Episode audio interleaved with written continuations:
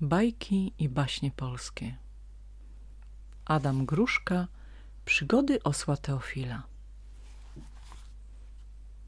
Nazywam się Pasiatek i jestem borsukiem sprawującym zaszczytną funkcję kronikarza naszego lasu.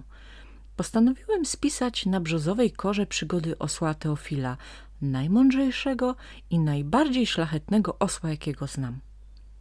Teofilowi nieobce były niezwykłe przygody, mogące zdarzyć się tylko w świecie baśni.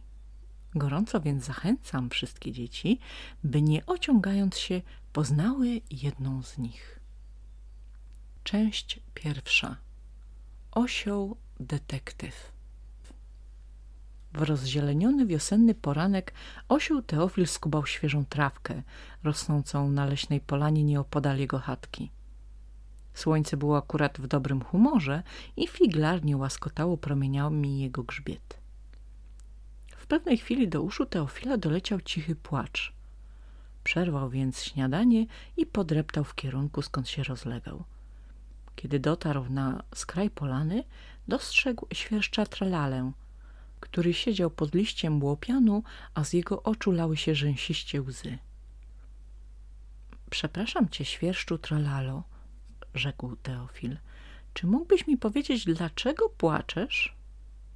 Przecież zawsze byłeś wesołkiem, znanym w całym lesie, a dzisiaj widzę cię tak zmienionego.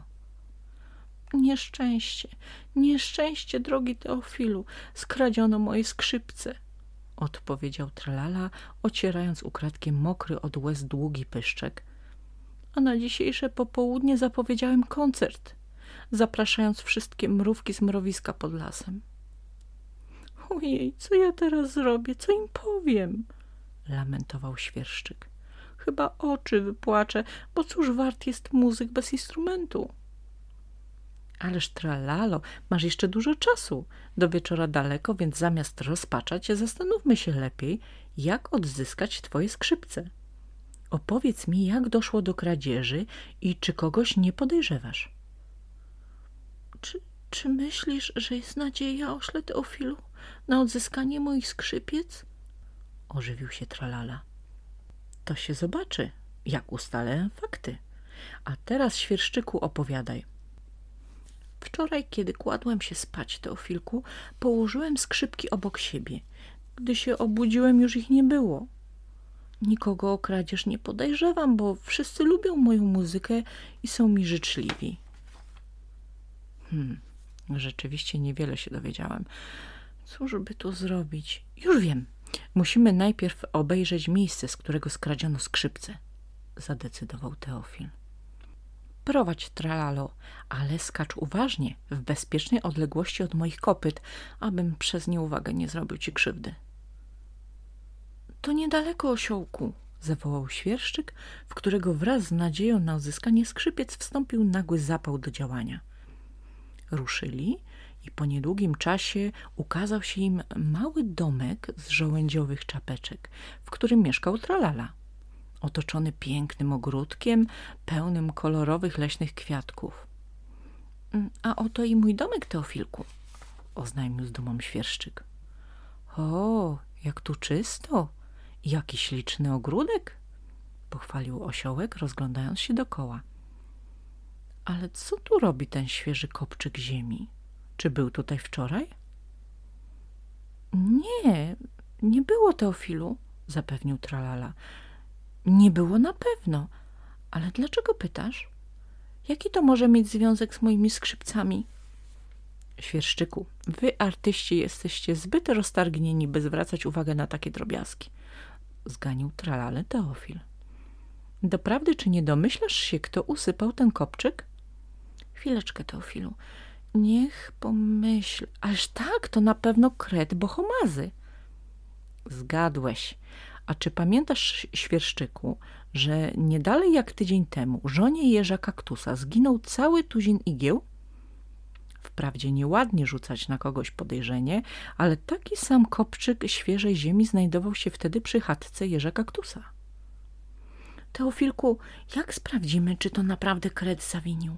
Jego podziemne mieszkanie jest nie do zdobycia, zmartwił się świerszczyk. Na wszystko jest sposób, tralalo. Przyniosę w pysku trochę wody i wleję ją do mieszkania kreta bohomazego. Osiołku, ależ on się utopi. Nie bój się, tralalo. Wiem, że masz dobre serce, ale bohomazy nie cieszy się dobrą opinią w naszym lesie. Jestem pewien, że maczał w kradzieży swojej krecie łapy.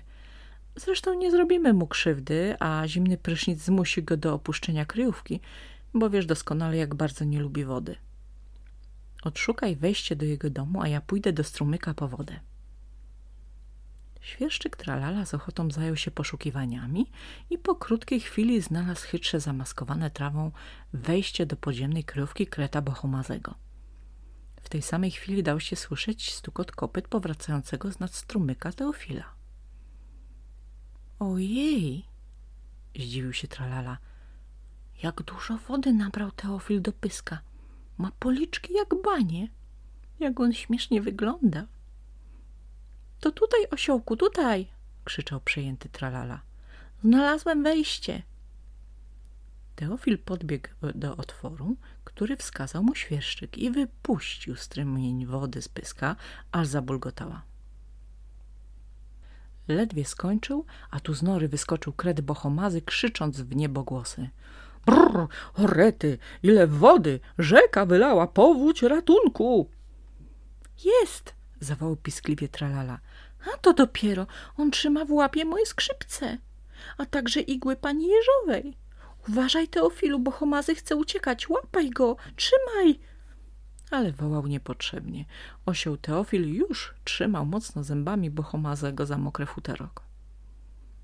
Oj, puść, puść! Zniszczysz moje futerko! lamentował Kret, trzęsąc się ze strachu. Masz takie duże zęby, ośle Teofilu, i do tego jestem cały mokry. Jeszcze się przeziębię. Żałował samego siebie Bohomazy. Oddaj natychmiast skrzypce świerszczowi tralali, groźnie upomniał Kreta Teofil. Już zwracam, już zwracam. Proszę, kochany tralalo, oto twoje skrzypce, weź je sobie, a teraz powiedz Teofilowi, niech mnie puści. Nie tak prędko, mój bohomazy, odezwał się osiołek. Naprzód musisz nam coś przyrzec. Czego jeszcze chcecie ode mnie? spytał płaczliwie kret. Przyrzeknij zaraz, że zwrócisz igły żonie jeża kaktusa i przeprosisz ją za ten naprawdę niegodny mieszkańca lasu czyn. Jak ci nie wstyd sięgać po cudzą własność? Dokończył osioł. Obiecuję wam, że, że naprawdę nigdy nikomu już nic nie zabiorę. Wydyszał jednym tchem bohomazy i jego mordka stała się jasno-brązowa, a to u kretów oznacza wielkie zawstydzenie. Teraz możesz odejść. Teofil wypuścił zębów krecie futro i odsapnął głośno. Jeśli nie dotrzymasz obietnicy, będziesz miał ze mną do czynienia. Pamiętaj o tym. Poprawię się, panie Teofilu, ale proszę nie rozgłaszaj po lesie tego, co zrobiłem, błagał Bohomazy. Dobrze, mój krecie, ale musisz na to zasłużyć swoim postępowaniem. Zapamiętam, zapamiętam, zapewnił osła kret Bohomazy i ruszył chyżo do chaty jeża kaktusa, by zwrócić pani jeżowej skradzione igły. Chodźmy, tralalo, musisz przecież przygotować się do koncertu, przypomniał uszczęśliwionemu świerszczykowi jego obowiązki osioł Teofil. Nie wiem, jak mam ci dziękować, Teofilu, powiedział wzruszony świerszczyk. Jesteś naprawdę wspaniałym detektywem. Pozwól, że uścisnę twoje kopytko. A wieczorem pod liściem łupianu było gwarno jak nigdy. Wszystkie mrówki usadowiły się na fotelach ze ździebeł trawy i cichutko rozmawiając czekały na mistrza tralale. Zjawił się, oczywiście uśmiechnięty, w zielonym fraku i nisko skłoniwszy główkę ujął za smyczek. Z jego maleńkich skrzypiec popłynęła muzyka, którą było słychać na całej polanie, a nawet w pobliskiej wsi. I od tej pory w ciepłe letnie wieczory wychodził świerszczyk tralala na koncerty. Wędruje po całej Polsce, zapraszają go do siebie dzieci i dorośli, a on pięknie gra. A może był już i w waszym domu? Lepi broda. Któregoś dnia osioł Teofil wybrał się w odwiedziny do skrzata purchawki, niosąc mu w prezencie naparstek pełen mleka – Nie bez trudu dotarł do dwóch liści paproci, między którymi zawieszony był hamak z pajęczej siatki, na którym skrzacik lubił wypoczywać po pracy. Ponieważ hamak był pusty, Teofil delikatnie postawił na ziemi napastek z mlekiem i usiadł wygodnie obok, czekając aż zjawi się gospodarz. – Dzień dobry, ośle Teofilu – odezwał się drżący głosik. – Dzień dobry, wiewiórko z dębowej dziupli – odwzajemnił pozdrowienie osiołek. – Czy nie widziałeś przypadkiem skrzata purchawki? Czekam na niego już od godziny, a on ciągle się nie zjawia. – Ach, Teofilu, to ty jeszcze nic nie wiesz? – zdziwiła się wiewiórka, a głos jej drżał coraz bardziej. – Nie, nic nie wiem, ale dlaczego jesteś taka zdenerwowana – jeżeli stało się coś złego, to powiedz, nie zwlekając. Tylko po kolei. Tak, już zaczynam. Ach, jaka jestem roztrzęsiona. Dzisiaj rano, ośle Teofilu, kiedy właśnie robiłam porządki w mojej spiżarni, usłyszałam wesoły śpiew skrzata purchawki.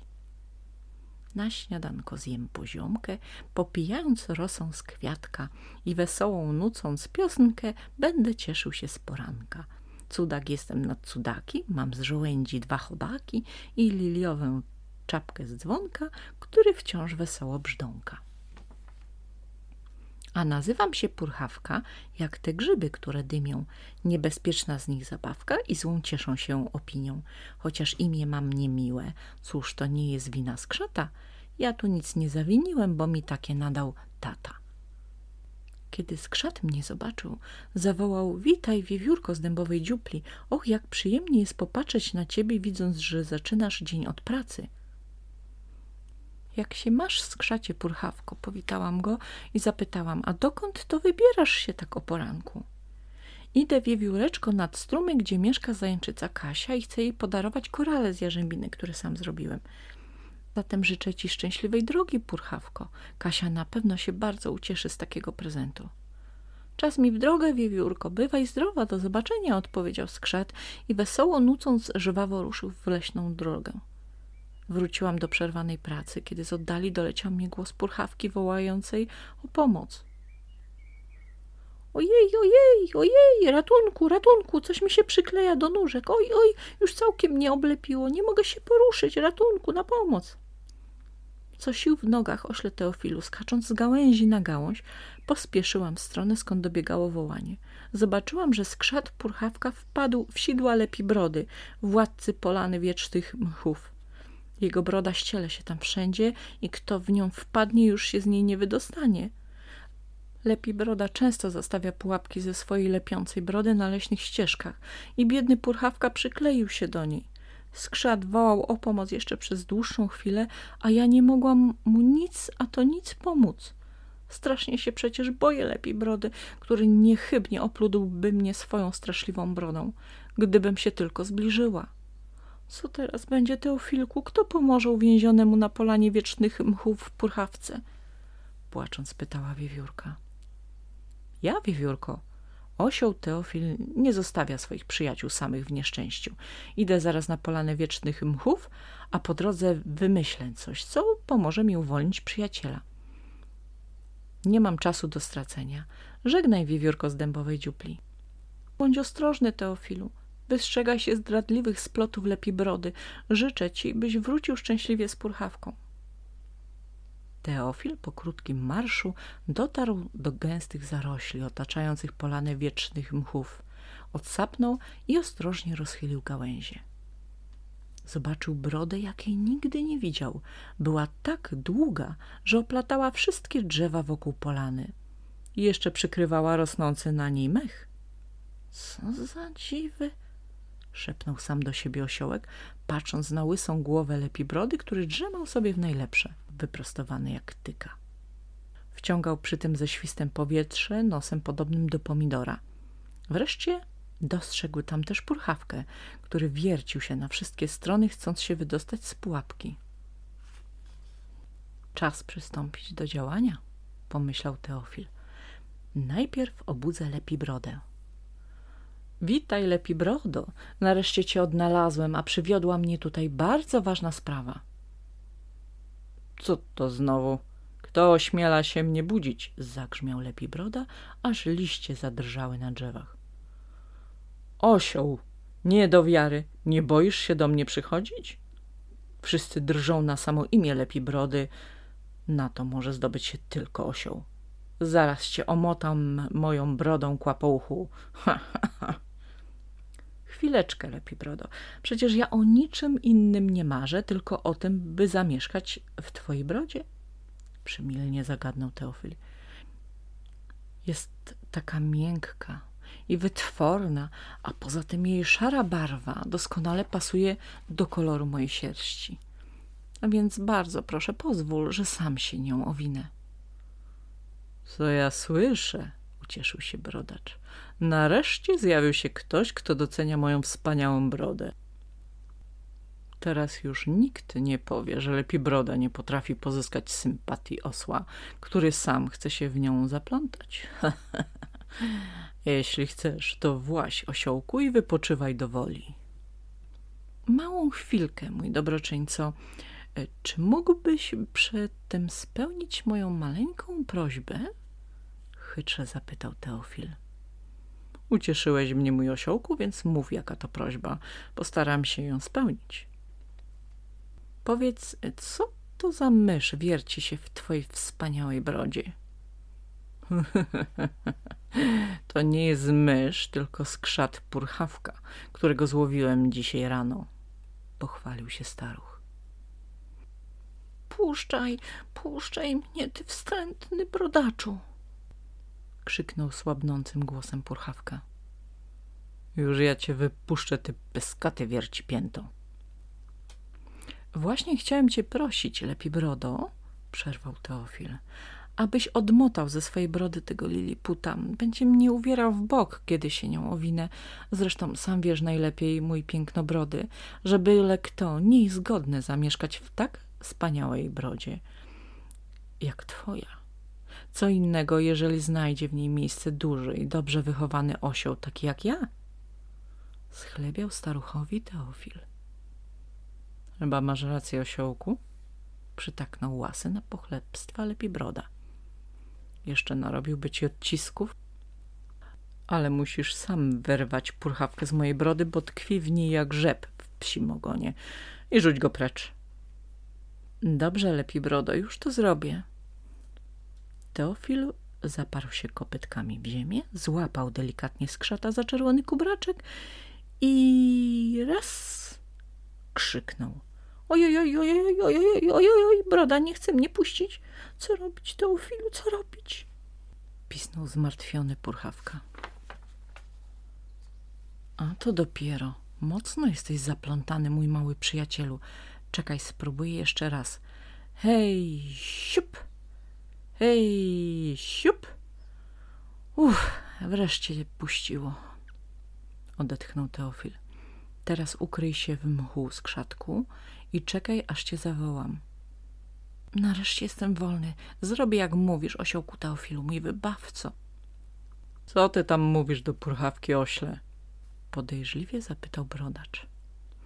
Wyśmiewam się z niego, bo on cały nie jest większy od mojego ucha, lepi brodo.